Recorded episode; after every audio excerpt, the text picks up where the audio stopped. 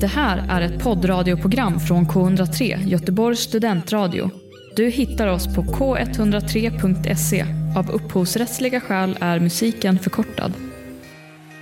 I dagens avsnitt kommer det diskuteras skador, roliga som tragiska. Vi pratar om Tony Kroos svala personlighet och Aubameyangs svaga Twitterkunskaper. Är Giroud den mest älskvärda men ändå sämsta spelaren som gjort 40 mål för sitt landslag? Och hur går Flanagans jakt på det sprillans nya Playstation 5?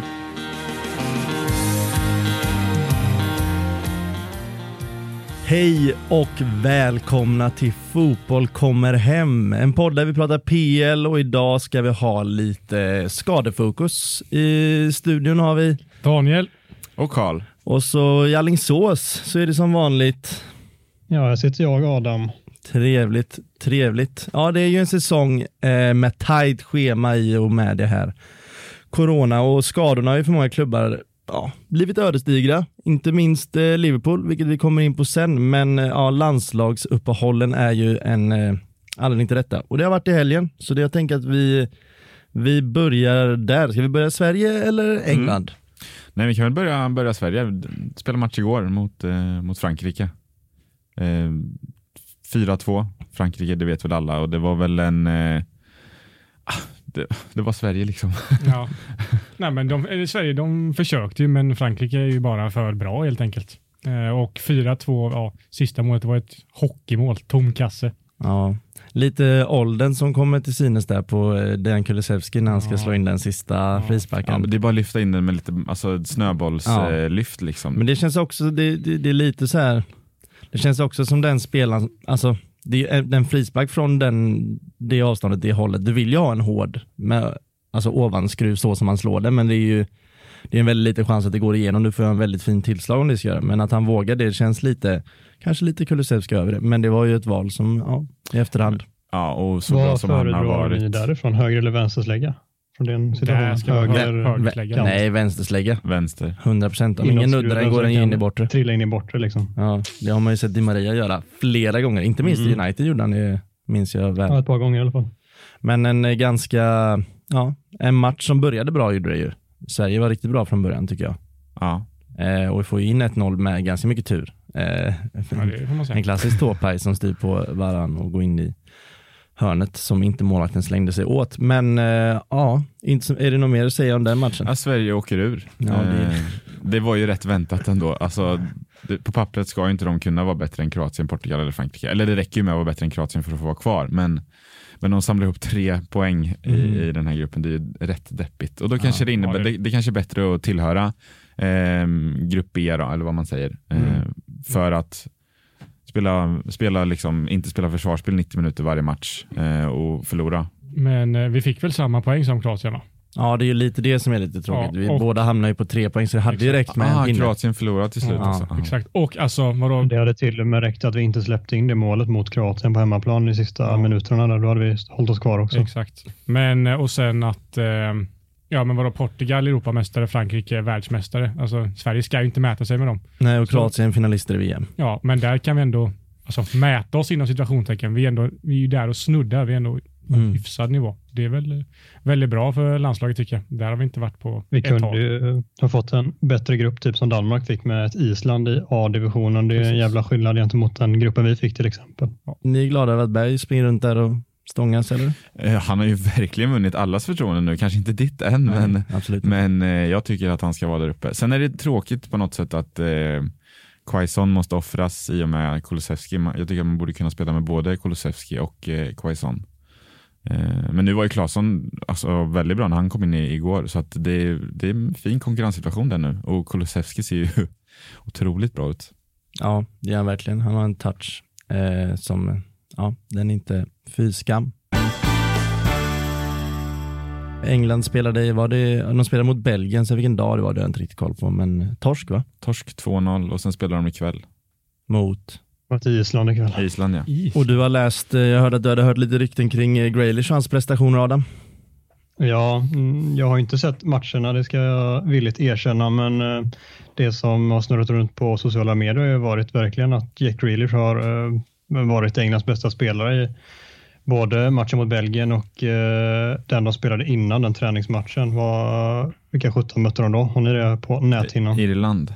Irland, ja precis. Och, uh, viktigt att säga, Harry Maguire gjorde mål, så han går vidare. Jack Grealish, uh, absolut, han uh, ska ju uppenbarligen, det jobbigt sitta här och prata om en match man inte har sett, men han får ju väldigt mycket lovord i media och bland diverse supportrar efter matcherna.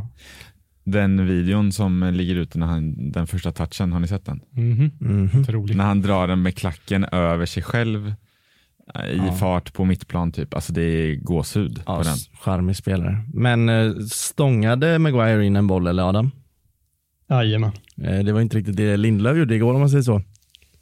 Nej, Lindelöf är ju inte jätteduktig i luften. Det har vi ju sett i x antal matcher. Det är ofta så i United att de motståndarna i alla fall när vi möter lag som kanske på pappret är sämre än så söker de upp en stor spelare mot Lindelöf och försöker vinna nickdueller därifrån, eh, både i spelet och i straffområdet. Liksom Så det är ju hans stora svaghet och där eh, såg jag statistik från häromdagen att Maguire är bäst i ligan där. Det kan ju bero på att eh, van Dijk inte varit med för förra säsongen var väl Maguire två och van Dijk etta. Så, men oavsett så det, just i det spelet är Maguire väsentligt mycket bättre och det har vi sett prov på under landslagsuppehållet också. Ja, och det var väl så att Lindelöf var väl en av de sämsta också i den statistiken va? Ja, men han mm. låg på 30 någonstans. Mm, det är mm, ganska långt. Men eh, Pogbas insats igår då?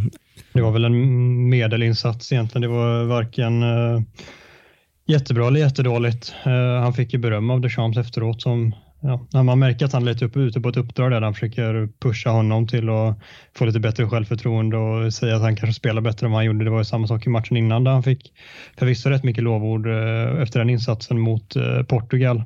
Så han verkar väl spela ja, mer minuter obviously, men också lite bättre än vad han har gjort i United de här matcherna. Så kanske kan han ta med sig det även in i klubblaget. Han var ju dessutom ute och ja, det vreds väl, eller slogs väl lite på den stora trumman eh, i onödan med tanke på att han blev felciterad det han sa. Där det i princip han sa att vi kommer hit till landslaget och det är så bra stämning eh, och det förvängde de till att och så är det inte i klubblaget men det sa mm. han inte utan han sa att han vill ta med sig det här till klubblaget. Men det, ja, ja media, det blir väldigt mycket tjo och om det ute i media. Kan säga. Men det måste också vara jobbigt att vara Paul Pogba och alltid behöva känna att man måste imponera på någon varje match. Man kan ju ha en medelmåttig match men, men det ändå så snackas det om att han gör en dålig match. Liksom. Det... Verkligen. Men det kändes som att hans stora problem när, när hans problem började komma var att han, han var så upp och ner och han gjorde en jättebra match och sen gjorde han två superdåliga. Men nu känns det som att hans högsta nivå är verkligen inte där den har varit. Eller? Nej, alltså, eller jag tror fortfarande att högsta nivån finns kvar där, men att han har haft väldigt svårt att nå upp till den igen. Och det beror delvis på honom, det beror delvis på United som klubb och tränarna och medspelare etc. etc. Det är liksom lite av varje som spelar in där tror jag i slutändan. Och sen hade han corona, hade en tuff liksom mellansäsong här de här tre veckorna som var mellan säsongerna och har inte alls eh, fått det att stämma efter det. Det är ju lite så som du säger att tidigare så var han väldigt så här en, bra, en väldigt bra match och sen nästa match var lite sämre. Och jag tror att många har haft väldigt, väldigt mycket högre förhoppningar eller krav på honom än vad som kanske är rimligt. Man förväntar sig att han både ska städa upp hela liksom, det defensiva mittfältet samtidigt som han gör mål och assist i varje match. Och säger någon mittfältare som någonsin har gjort det, det, det kommer såklart med pris. Liksom, priset som han kostade var ett världsrekordsumma där och då, men eh, jag tror att det inte har hjälpt honom och det har inte hjälpt den bilden som finns på honom eller om honom heller.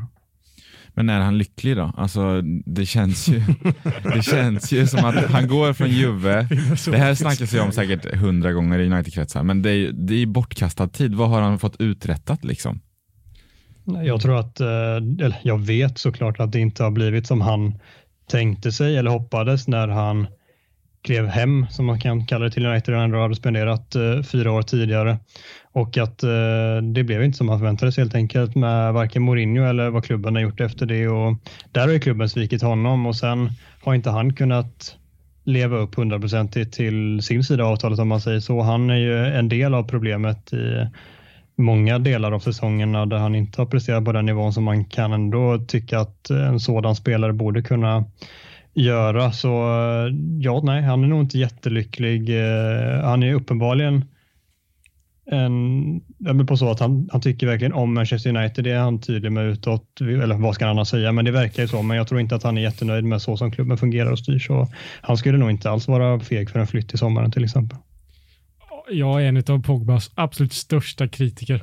Jag tycker han är så fruktansvärt överskattad. Alltså, jag vet och du håller även Moussa Dembélé som bättre än honom. Så. Utan tvekan. Moussa, alltså, ja, verkligen. Men eh, jag, jag, jag, tycker också, det har väl lite med att göra att jag tycker Pogba är lite alltså, cringe som person. Att han gör det. Han gör emojis och han dansar och färgar håret i leopardmönster och skit. Jag tycker inte, det är inget som jag eh, tycker är så jävla han roligt. 60-talist. Ja, vår egna 60-talist ja, att säga sitt. Men sen han var väl okej okay i Juventus, det ska jag erkänna. Jag såg inte så mycket matcher där. Okej. Okay. Ja, men ja, men det är återigen diskussionen vi hade i slutet på förra veckan. Det är klart man är bra borta mot Genoa varje vecka. alltså Serie A-hataren Daniel Deveryd. så jag, jag, jag, tycker det är så. Är Genoa så mycket sämre än West Bromwich menar du till exempel? Ja, ja, West Bromwich är ju mycket svårare att möta tror jag. Jobbigare att möta. Ja, vi... Men i vilket fall så är det, alltså vad ska han, vad ska han, han har inte uträttat någonting, vad ska han uträtta och när? Klubblagsnivå, eller i United då, för Juventus vann han ändå Scudetto och så vunnit VM. Liksom. Ja, men, ja, jo, jag menar inte personligen. Jag menar inte personligt på ett plan, men jag menar när ska han liksom, när ska han ge vinning för, till United för de pengarna ni betalade och för den hypen som han gav er? Det, då krävs det liksom att vi ska vinna en uh, Premier League-titel eller Champions League-titel. Och det som jag gick in på tidigare, det är inte enbart hans fel att vi inte gör det nu. Men han eh, har fortfarande inte levt upp till sin sida av avtalet om man säger så. Så jag har svårt att se att han kommer göra det. Sen tror jag rent ekonomiskt så har vi nog inte gått jättemycket back på honom. Det här med att här, tröjor, att man säljer mycket tröjor på sånt, det, det stämmer inte riktigt att en tröjförsäljning kan täcka en hel övergångssumma. Det är långt ifrån sanningen, men allt kring som han har inneburit med eh, det kommersiella och så, så tror jag inte att det rent ekonomiskt har varit eh, någon dålig deal. Men däremot rent sportsligt så är han ju eh, en bra bit ifrån där man både hoppades och hade önskat. Vad som är anmärkningsvärt är ju att nu efter Frankrike-Sverige, Giroud har gjort 43 baljor för Frankrike och på deras Bästa målskyttar genom tiderna är han nu tvåa efter Henrys 51, alltså åtta mål ifrån den som gjort mest mål i Frankrikes historia. Det är ju ganska sinnessjukt i min mening. ja, om man tittar på fotbollsspelaren Giroud så tänker man ju inte att han ska vara eh, på en sån lista i ett Frankrike. Eh. Nej, men kan det vara den sämsta spelaren som har gjort 40 mål för sitt landslag? Eh, jag älskar Giroud från tiden han var i Arsenal och man fick ju alltid det man förväntade sig av honom, enligt mig. Och han är en vacker spelare på plan, estetiskt om man kan säga så. Mm.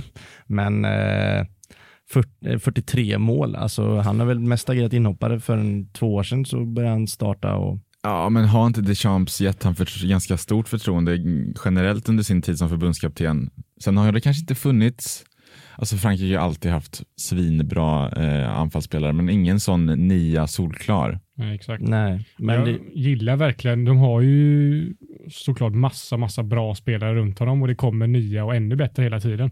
Jag gillar verkligen den grejen att de sätter en sån spelartyp som Giroud väljer spela honom längst fram så att man inte kör liksom Griezmann och Mbappé och sen, jag vet inte vem som lirar på andra kanten kommer inte på någon nu.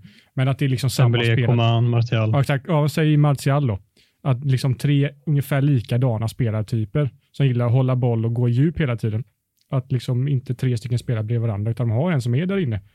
Söker yta i boxen och så kan Martial och Mbappé skicka in bollar på honom. Det är ju så han gör många av sina mål. Jag tycker det är jävligt bra, bara jag gillar det sättet att spela fotboll. Men sen... är det inte sjukt om man sätter det i kontext också att han inte gjorde ett enda mål i VM när de vann VM-guld och mm. var det inte typ så att han inte ens sköt ett skott på mål under hela det mästerskapet? Jag, jag tippar han som skytteligavinnare. Nej, jag, jo, han, det är ju korrekt. Han gjorde inte ett, eh, ett enda mål. Eh, och jag tror han gjorde en assist, om jag minns rätt. Jag hade han i de olika fantasy-spelen som fanns där på eh, mm sidorna. Men nu så kommer han ju förmodligen, förmodligen trockla sig ur Chelsea. Deschamps sa ju det att eh, får du inte speltid så är du inte, då får du ingen EM, EM-kval eh, eller EM-plats eh, plats i truppen. Så han kommer väl vilja ha en januariövergång där, för han kommer ju inte få speltid i Chelsea. Nej, det kan jag inte se. väldigt svårt ut. Han har ju Werner som ska vara en nia där och sen Abraham har ju spelat när inte han har gjort det. Så det är, ja, det ser mörkt ut. Klubben som ryktas mest är West Ham, jag vet inte om ni såg det? Nej. Oh. Han har platsat bra i West Ham. Ja, ja. Hoppat runt i, jag gillar att bo i London uppenbarligen också. Då. Fifa går in och betalar Joe Gomes lön nu. Eh, för det finns tydligen sådana avtal att eh, om en spelare skadar sig allvarligt under ett landslagsuppehåll eh, så, är, eh, så, är de, eh, så är Fifa, går Fifa in och betalar helt enkelt. Oj. Mm -hmm. Så Liverpool behöver inte betala Joe Gomes lön nu. Han kommer ju vara borta x antal månader. Liksom. Skönt. Den är, jag har aldrig Vad är prognosen? Prognosen är lite oklar, men enligt sådana här eh, eh, alltså, skadevetare, när de fick läsa vad Liverpool gick ut i sin officiella kommunikation så var det allt från 6 till 12 månader. Liksom. Oh, ah, okay. Så vi har våra två ordinarie mittbackar borta resten av säsongen. Kan, så illa kan det vara, ja. eh, men vi vet inte. Jag tänker att det är frågan om en, eh, en PL-titel eller inte. Det känns eh, nu har inte City gått så bra, men börjar de eh, trampa igång så känns det som att de har i alla fall ett på pappret mycket starkare lag just nu än vad ni har. På pappret ja, eh, och jag trodde faktiskt eh, i och med van Dijk skada att det är ingen fara, alltså i titel, eh, titelracet. Men nu när vi tappar båda mittbackarna, då blir man ju orolig. Och Trent. Eh, och Trent, men Trent är borta kanske fyra veckor eller något ja, sånt. Och Robertson inte.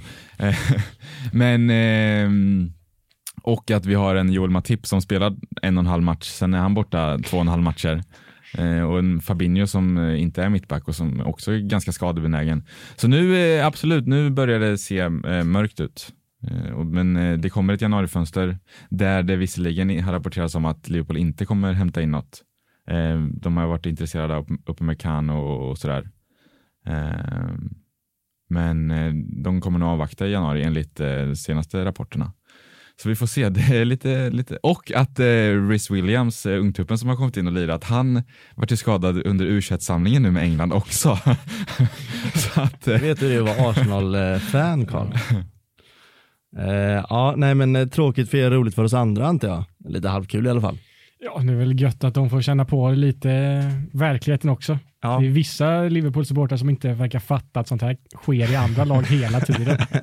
det kan jag störa mig så otroligt mycket på. Men, men där, där måste vi ändå sätta någon nyans på det hela för att det är, man måste ju ändå få tycka synd om sig själv. Ja. Det är ju ingen, är, eller jag kan inte se någonting i mitt flöde och då är ändå mycket Liverpool i mitt flöde som säger att vi är det enda laget någonsin som har blivit drabbade för detta. Nej, men, nej, men en sak som jag måste komma in och säga det och det är Pontus Weinemo som jag är lite bekant med. Han är jättetrevlig kille måste sägas, men han skrev på Twitter och Liverpool-supporter som du nog vet att finns det något lag någonsin som haft så här mycket skadeproblem som Liverpool har just nu? Frågade han ärligt rakt ut. Men jag, jag läste den tweeten på ett mer ironiskt sätt och mer en sån eh, skvätta i ögonen på er att ni tycker att vi alltid är så självcentrerade och så. Men det kanske var en seriös fråga då? Jag hoppas att det är som du säger för hans skull. ja, nej, det har varit lite väl mycket medgång för Liverpool det senaste, så eh, som ni säger, det är skönt att de får steppa in i verkligheten lite. Eh, detta är ju ett problem som Arsenal har dragits med det känns som hela perioden jag, jag har supportat klubben. Eh, sen har det aldrig varit särskilt bra när vi har haft ett fullt lag heller kan man känna. Men eh, sen har vi också coronafall Um, Salla drog ju på sig på sin brorsas bröllop. uh, så han kanske inte kommer tillbaka till helgen och det är ju det är olyckligt, men det är, det är också en, en diskussion som i, ett större, alltså i det stora hela handlar ju om att vi ska fan inte åka på några landslagsuppehåll nu. Nej. Nu får det vara nog med den här skiten. Nu ringer vi Uefa och Fifa och hela ja, fotboll kommer hem, tar ja, löser allt. Ja, men det är så jävla trist alltså. Det är verkligen, Namninsamling. Ja. Det finns så få argument för att ha en jävla landslagssamling nu. Jag såg, apropå Salah, väldigt roligt, jag såg innan han eh, innan han eh, fick bekräftat, eller det kom ut att han skulle ha eh, corona då, så, eh, så har han en bild från när han ligger i sin säng på ett hotellrum och Nenny ligger i sängen jämte. Alltså ett dubbelrum helt enkelt på ett hotell och så här smilar någon polare som har tagit. Och sen kommer han ut och får corona och nu ryktas det om att El Nenny har corona. ja, för fan. Mourinho var ute och svinga också. Han var lagom syrlig mot att det var roligt. konceptet att vi ska ut och spela landslagsmatcher. Ja. Eh, ja.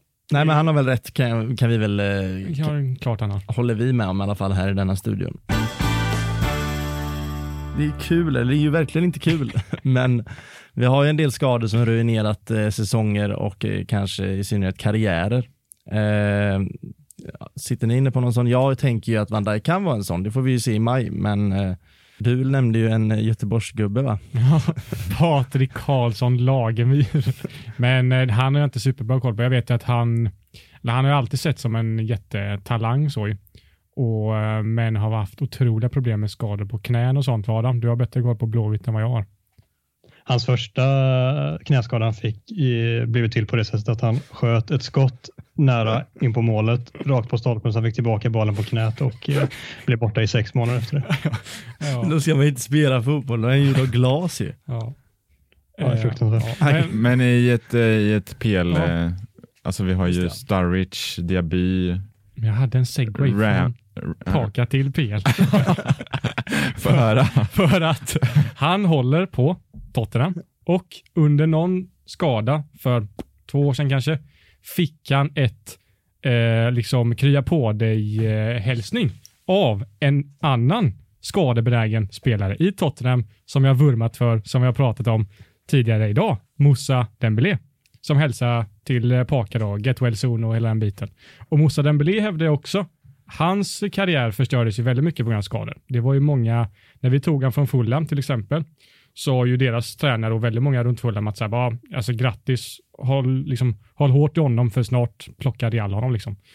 Eh, den potentialen hade han. Och även i Tottenham, när spelare runt honom var med i intervjuer och sådär, och frågan kom liksom, vem är bäst i laget liksom.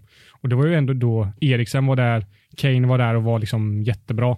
Alla svarade Moussa Dembélé. Han är alltså utan tvekan den bästa de spelat med. Så att, eh, jag tycker ändå det är anmärkningsvärt. Det, det är det. Ah, Moussa Dembélé var ju faktiskt vidrigt bra.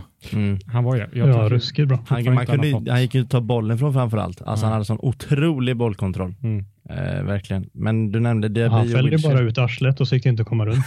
ja, men det var verkligen så.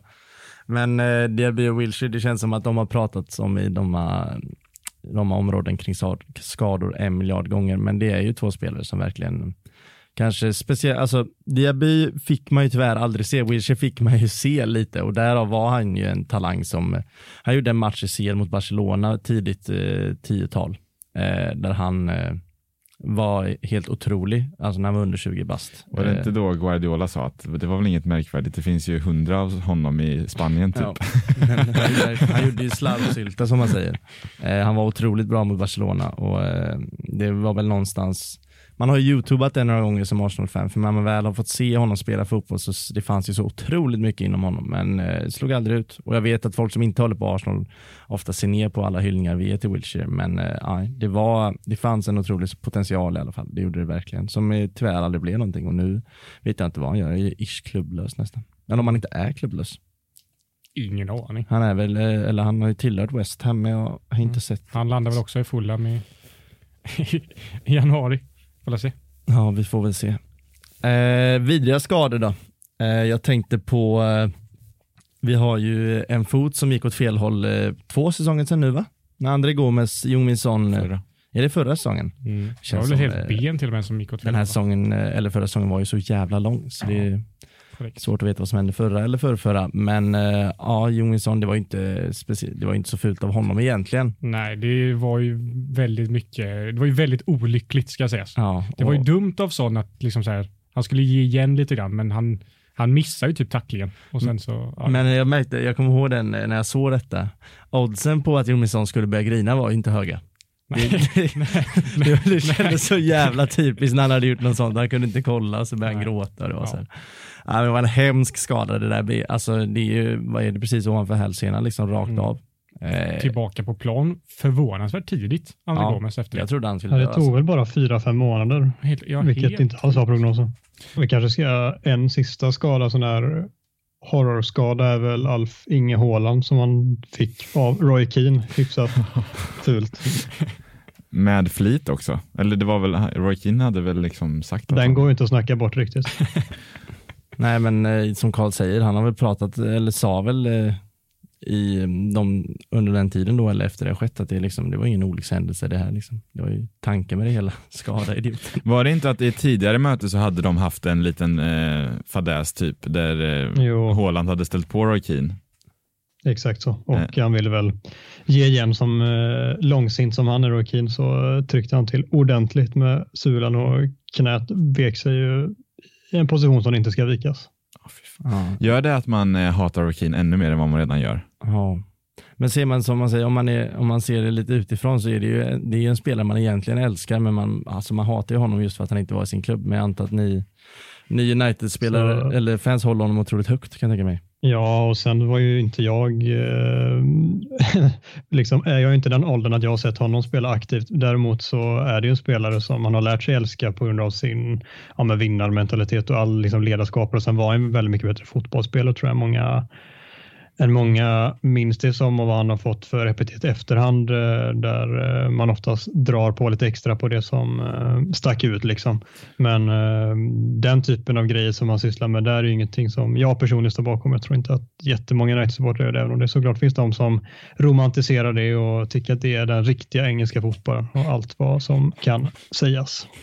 Men det är ju verkligen en sån spelare som man älskar att ha i sitt lag men hata och möta typ. Ja. Ja, jag hade ja, kunnat... Eh, Vira hade ju sina duster. Mm. Ja, men exakt. Eh, det är sånt som man saknar ändå. Jag hade kunnat eh, ändå erkänna att hade han varit i Arsenal så tror jag jag hade älskat honom. Det ska jag inte sticka under stolen. Vi har väl för få, alltså i nuläget, liksom för få Svin. spel. Ja, nej, men alltså för få liksom spelar eh, ja, men dust. Alltså man vet att så här, i den här matchen, fan, Kane och Van Dijk, fan vad de hatar varandra. Det finns väl inga sådana, eller har ni någon? På uppstuds? Nej. Nej, det är väl jättetråkigt. Men det, det är sällan också ett, en match brinner till så som det gjorde också ja. då Arsenal United-matcherna. Eh. De är så jävla mycket kompisar nu allihopa. Ja, ja, det är för mycket Instagram och emojis och sånt skit. Du är verkligen vår egna 60-talist. Det var lite skämt, men allt om Pogba, det stämmer. han, är, han är yngst i fotboll, kommer hem men äldst i hjärnan. Ja. Nej, men eh, vi är eniga på den punkten. Det är lite för lite rivalitet eh, kring lag och eh, enskilda spelare i dagens engelska fotboll. Men vad beror det på då? Är det, är det Instagram en ny tid eller vad?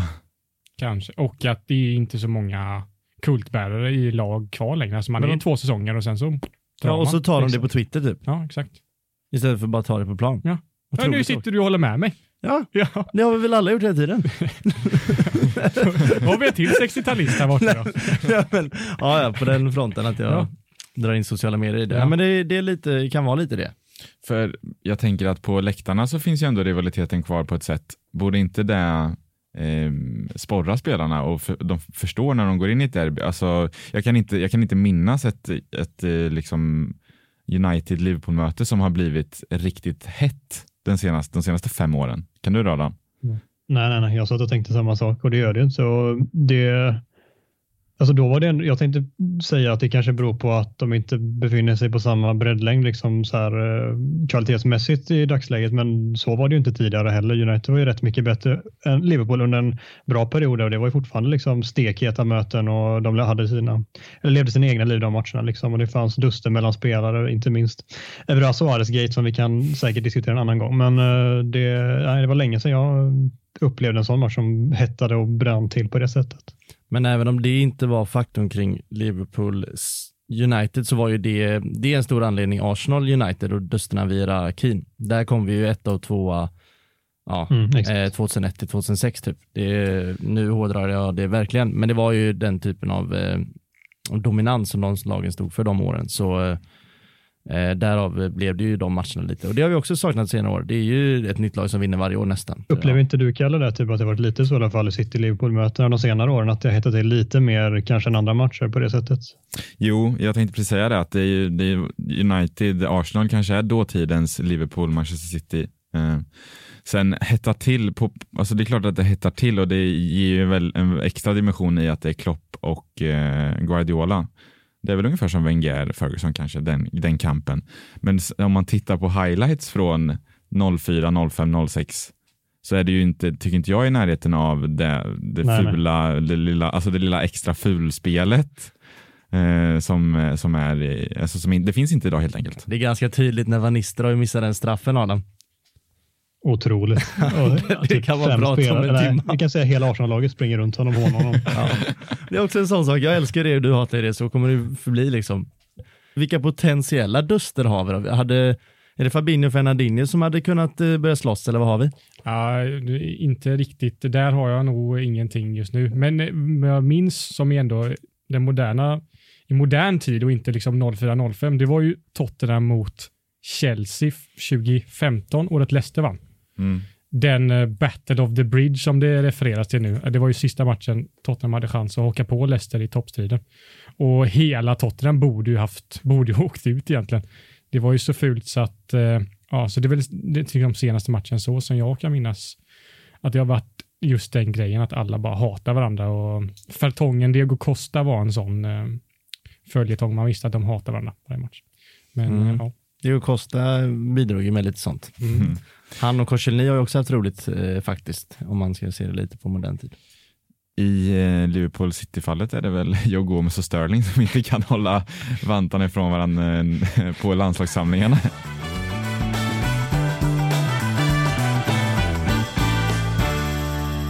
Vad som händer utanför plan stannar inte utanför plan.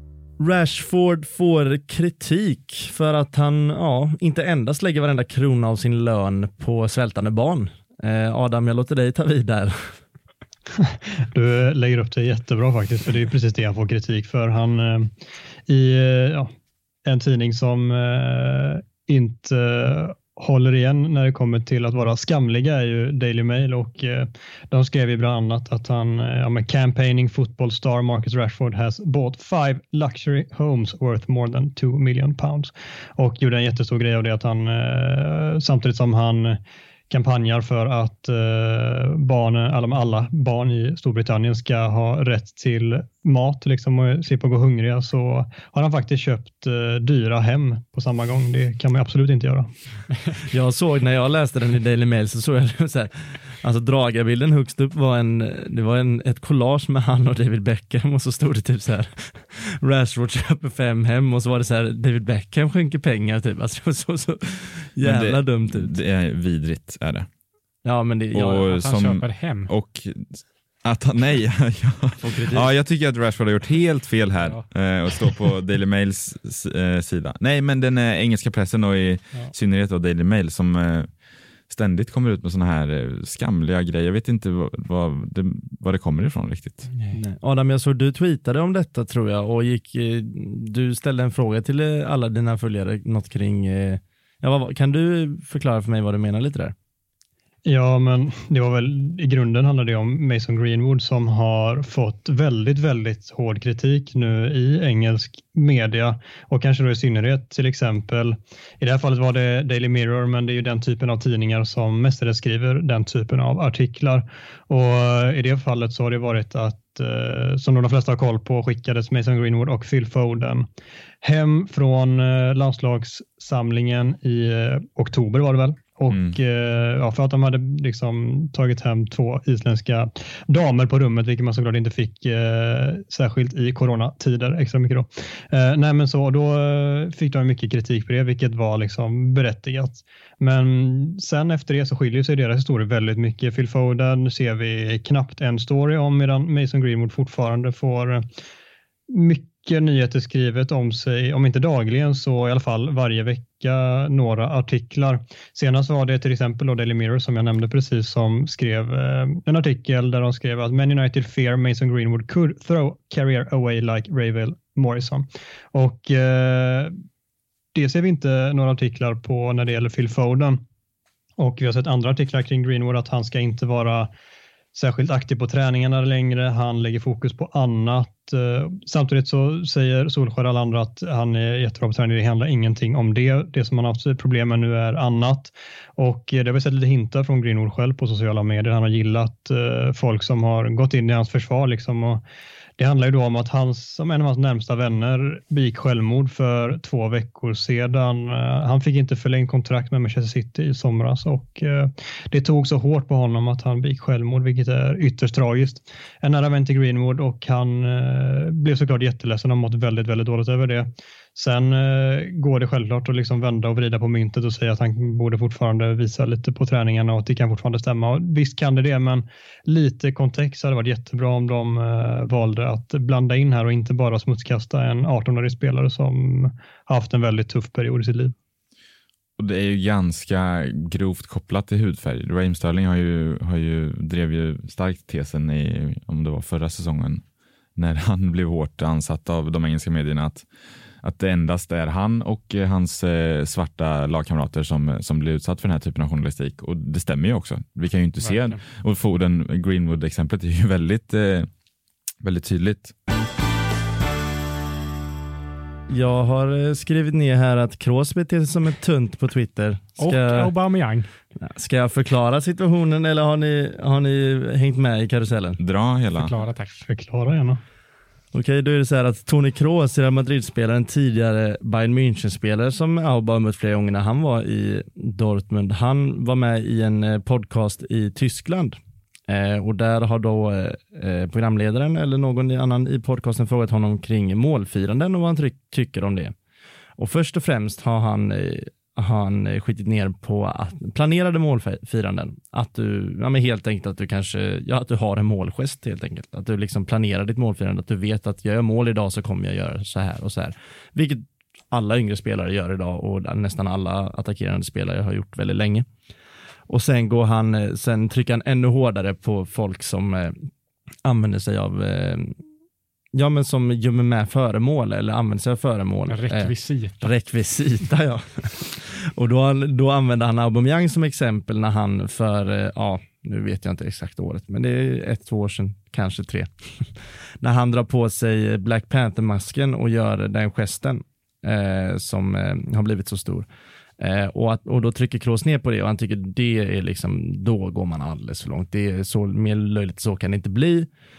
Eh, och det går då, kommer ju då självklart fram till Aubameyang då att han har sagt detta. Vara Aubameyang, eh, förmodligen ganska korkad fotbollsspelare som han är, svarar på detta på Twitter och skriver något i stil med att eh, eh jag gör det för mina barn. Jag vet inte om du har några barn, Kroos. Och istället för att kolla upp om man har några barn så skriver han, jag vet inte om du har några barn, Kroos. Men när du får några så kommer du förstå. Vad som är tråkigt är ju att Kråska är ganska enkelt som ner den tweeten med bara jag har tre barn. eh, men så liksom en, en idiotisk åsikt av mig svaras på, eh, enligt mig, eh, svaras av Aubameyang på ett eh, bara korkat sätt. Så det blir ju en ganska barnslig nivå på, eh, på diskussionen. Eh, men det är vad som har hänt och eh, ni får fråga mig om jag låter väldigt partisk i det hela. Men Nej, men det är, det är ju en, att Aubameyang svarar på, på det sättet är för att han vill, det är ju ett smart sätt att söka, eller att han gör det för en fin sak. Han gör det för sin son liksom. Mm. Uh, så det är väl en, någon slags förklaring samtidigt som han blir lack på Kroos och, och måste... ja, det är dumma därför att anledningen till att jag är i team, hashtag team Kroos är ju för att hade Aubameyang bara sagt så här, ja men alltså vet du vad, okej, okay, men jag gör det för mina barn liksom stoppa där. Säg ja. inte, när du får barn Tony Kroos, då kommer du förstå. Det är en jävligt riskabel liksom, väg att vandra, för man vet inte, alltså så här, ja absolut, nu har Tony Kroos barn, men ifall han inte hade haft, hade han, alltså, han hade kunnat kanske liksom haft problem med att få barn. Det kan vara sådana känsliga grejer också. Eh, då hade det varit, då hade det varit ja. en fem plus tweet i sådana. där är jag Kalle. Det hade varit en supertweet om man tryckte på rätt år där. nej, det, jag tycker det var en eh, nej, korkat av Aubameyang tycker jag. Ja, nej men det hela är... så triggad tyckte jag bara. Aubameyang var tvungen att liksom hugga tillbaka på Twitter på det sätt som han gjorde. Det var jätteroligt. Ja, det är lite barnslig nivå på det hela. Men om vi ska gå, gå till botten med det här. Nej, men om vi bara ska, vad tycker ni om målfiranden? Tycker ni att man ska göra det så mest maxat man bara kan? Eller är det löjligt? Ja, superlöjligt faktiskt. Du tycker det? Mm. Det blir ju vissa typer av spel. Alltså Tony Kroos kan inte ha det, för han vet ju inte att han kan göra mål varje match. Alltså, men Tony Kroos... Han kan ju inte ha en, han kan inte ha liksom en, jag vet inte, säga att han har en napp i strumpan varje match för att han har fått en son precis. han kan inte få barn Daniel.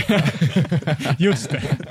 Nej men alltså han kan inte hålla på så, men Aubameyang vet ju att jag kan göra två mål, jag kan göra hattrick den här matchen. Alltså, han kan göra mål varje match. Men de står ju också på, de står ju på, ena personen står ju på högerkanten, den andra står på vänsterkanten. Alltså Kroos är ju den svalaste personligheten vi har i, i, i liksom europeisk toppfotboll, medan Auba är ju liksom det, det showman. showman ja. ja. Alltså Kroos är ju... Kroos är en konservativ, avlad, arisk tysk som bara liksom så här, går emot allting som är något typ av eh, ja, show helt enkelt. Man ska spela sin match, gå hem, träffa sin familj, gå och sova, gå upp igen, träna. Du ska inte ha kul där på vägen. Nej, men... eh, otroligt tråkigt. Min mening är självklart jag team Auba, av flera anledningar. Då säger jag för att, följa, för att följa, för att följa liksom vägen jag vandrat den här dagen i podcasten så säger jag att jag är team Kroos och det räcker med en knuten näve när man har gjort mål. det känns som att han tolererar bara så här Brolins skutt eller så här Kenneth Anderssons fingrar så ut. Inget annat. Vi har eh, ja, ytlig, den ytliga podden som vi är så ska vi bara toucha vid att vi har en ny fulaste tränare i Championship. Eh, Adam, kan du gissa vem som har tagit över Derby? Uh, han du vill kalla Shrek gissar Ja, Rooney har hoppat in som interim antar jag. Det är väl interim va? Ja. Han var ju andra ja, tränare det är interim. Där. Det är korrekt. Sen ryktas det om att han kan ha en bra chans att få permanenta jobbet också, men just nu är det interim. Ja, men det är lite kul för honom eh, att komma tillbaka till, eh, tänkte säga toppfotbollen, men tillbaka i fotbollen. Han spelade väl där ett tag eh, innan hans karriär tog slut? Han spelar där. Jag tänkte säga, han har väl varit assisterande spelande tränare. Fortfarande? Exakt. Mm. Ja, ja, han spelar fortfarande. De har gått jättedåligt. De ligger, om inte sist i Championship, så i alla fall i botten, ja, de vilket de inte ska vara såklart. Och då sparkar han tränaren och han har fått kliva in som huvudtränare då interimmässigt samtidigt som han ska spela. Då. Ringer han sin kompis Ryan Giggs då frågar hur det är att vara spelande tränare i ett, ett topplag i England? Eller? Exakt. Det är lite tråkigt. En tränare, ibland är det ju tränarens fel och ibland är det att spelarna inte har något go på planen. Rooney kan inte skylla på någon av dem. Han, är ju på båda sidor då ju.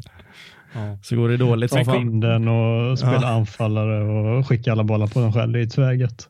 Men hur kan han, alltså utifrån sett hur kan han vara som en tränare? Hur tror ni han, han är? Jättesvårt alltså. Han eh, har ju karisman kan man ju säga att han, eh, i alla fall på planen, brinner fotbollen på det sättet. Han känns ju som en som aldrig liksom kommer kunna lämna fotbollen på det sättet. Det är allt han har och är egentligen. Eh, jag har svårt att se honom sitta i en studio vecka in och vecka ut, utan han vill nog vara på fotbollsplanen så som jag tänker mig Rooney i alla fall. Så, sen hur taktiskt kunnig han är och allt det där, det återstår väl att se. Man har tänkt tidigare att en tränare som Giggs, alltså en spelare som Giggs skulle ha mer att göra på en tränarbänk, men det har ju visat sig hittills att han kanske inte är av den högsta nivån som eh, vissa hade tänkt sig. Så jättesvårt att veta. Han kanske är en jättesuccé, vem vet? Hur, hur tar han ett omklädningsrum? Han var ju lagkapten i både landslaget och United, men det känns inte som att han har pondusen att komma in och, och ta ett omklädningsrum. Tror du inte det? Jag tänker tvärtom att han har det. Att han, eh, bara av att han är Wayne Rooney, liksom räcker att han kliver in i omklädningsrummet så lyssnar folk. Är han så stor alltså? För mig, Nej, men... hade jag träffat Wayne Rooney hade inte darrat. Alltså, jag, hade... oh, jag, tror, jag, jag tror jag är badans sida i den, men det känns inte Rooney som spelar Nej, som ska... mesta målskytt någonsin. men ska inte Rooney en sån eh, typisk engelsman som ska alltså, släppa fotbollen när han har lagt skorna på hyllan och dricka bärs istället? Jo. Ja, han borde nog göra det, men jag tror inte han vill det själv. För Giggs, det är som du säger, Giggs är väl mer person, den personlighetstypen som man tänker sig går att bli en bra tränare, men Rooney ska ju bara sätta sig i soffan och som Tyson Fury gjorde efter han tog världsmästartiteln i boxning. bli tjock som satan. Rooney och... känns ju dum. Alltså han ska, han, han ska ju inte hålla på med liksom löpvägar och alltså, taktik tror jag inte är hans grej. Det kommer bara vara knyta näven i fickan, kötta, klara det här kontraktet nu med Darby. Och han slog igenom så tidigt med, han kan ju inte ha gått i skolan och grejer. vi har ju nämnt Enketia några gånger i den här podden och det gillar jag. Så gör vi det igen. Eh, 16 mål har Enketia i U21 eh, just nu. Eh, och jag gjorde, googlade runt lite igår för att se vad man kan sätta det i perspektiv till någonting. Och Eh, Frankrike hittade, eh, alltså det var så här, var, var målskyttarna innan 80 så här, alltså Tysklands bästa målskytt var, hade ju spelat Västtyskland liksom. Och det, det, är ganska, det är inte så länge sedan det var Västtyskland, men eh, jag har jämfört med några spelare och våran kära Ola Toivonen, han har 13 mål i u eh, Delufeu har 17 mål i U21 för Spanien eh, och Hugo Almeida har 16 för eh, Portugal. Och det enda jag vill säga med det är att det, det blir ganska tydligt att det är inte de bästa bästa spelarna som, som får, får målrekorden i u Nej, det är ju de som haft svårt att ta klivet från junior till seniorfotboll. Lite sorgligt faktiskt tycker jag. det är ingenting du någonsin i din framtida karriär kan skryta om, så här, nej, men jag har gjort mest mål i England genom tiderna. Ursäkt. Han kan ju säga det, men det är ingen som kommer höja på ögonbrynen. Men, ehm, vad händer sen då? ja, vad händer sen med Enketia då, du som älskar Enketia? Men det gör jag faktiskt inte egentligen. Jag tycker bara det är roligt att han har fått det här i svenska medier. Han har ju, han har ju kallats eh, sanslösa Eddie och han har gjort mycket inhoppsmål och så, men han, alltså han är ganska kal. Alltså han, är, han sitter inte inne på någon större framtid kan jag lova. Alltså. Nej, vi har svenska kommit... medier, Fotbollskanalen skriver sanslösa Eddie i sina artiklar. Okej, svenska sociala medier. De riktiga medierna. Sportbladet skickar ju notiser om dem. Sanslösa Eddie gjort 16 baljer i, i engelska Det är väl 2020 va? Medier idag, det är Twitter, Insta. Ja. Avveckla skiten. Nej, men eh, som sagt, det var inte roligare än så. Jag tycker inte vi behöver ta eh, i det hårdare än så. Eh, Carl ville att vi skulle ta in att eh, Ray Clemens har eh, somnat in. Mm, en av vår, våra största genom tiderna. Både Liverpools och Englands. Eh, gjorde över 600 matcher. Flest matcher i, i Liverpools historia har han gjort. Eh, målvakt för de som inte vet. Eh, vann ju Europacupen under 70-talet och var med under Liverpools storhetstid och verkligen har byggt upp Liverpool till, till där de är idag. Um, och var även en uh, stark figur i engelska landslaget efter hans uh, spelarkarriär. Han är uh, målvaktstränare och um, många spelare, han var väldigt älskvärd där och Svennis har hyllat honom och sådär. Och, och nu i efterhand så många, har jag sett många Instagram-inlägg från, från Gerard och gubbarna där de liksom skriver rest in peace. han var väl, jag vet inte hur gammal han blev men han, han dog av åldern helt enkelt. Så det var väl, tiden var inne för honom.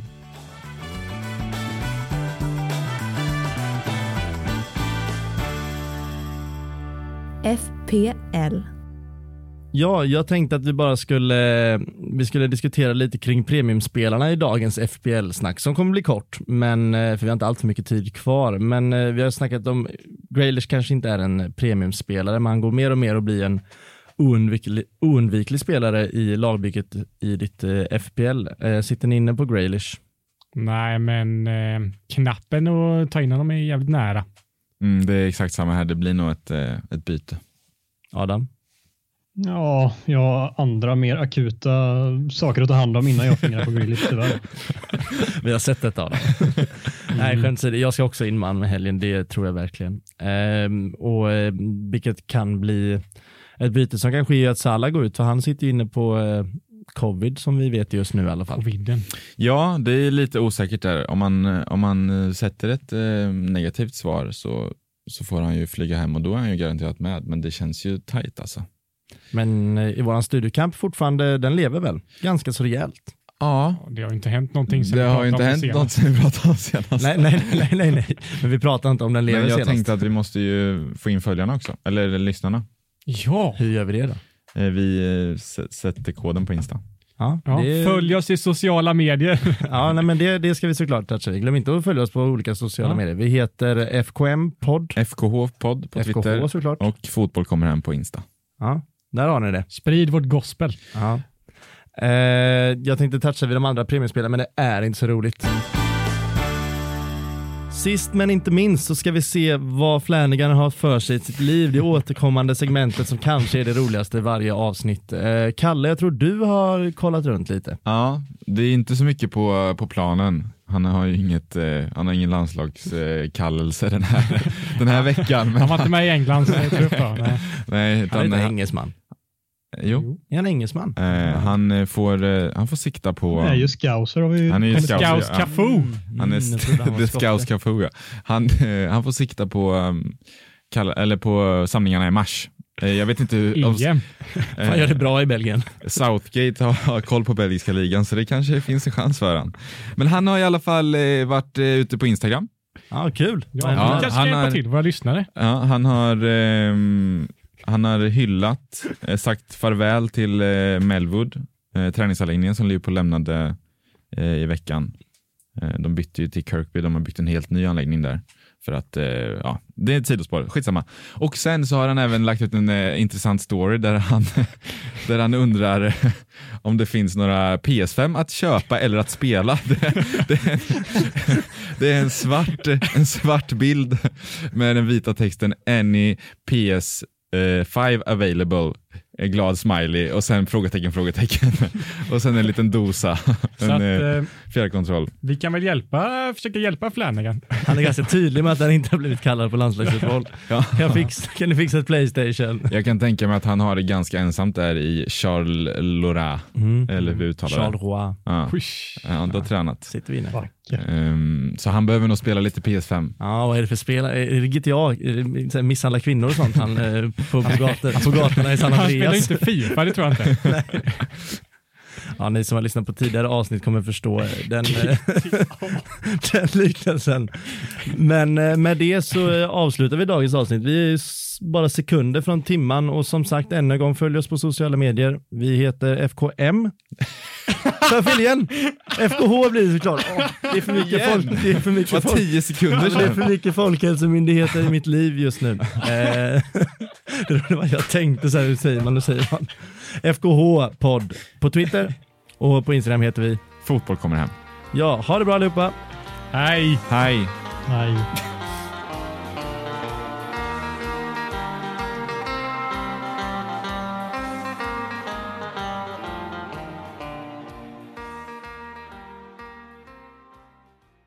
Du har hört en poddradioversion av ett program från K103. Alla våra program hittar du på k103.se. Följ oss gärna på Facebook eller på Instagram. Vi hörs!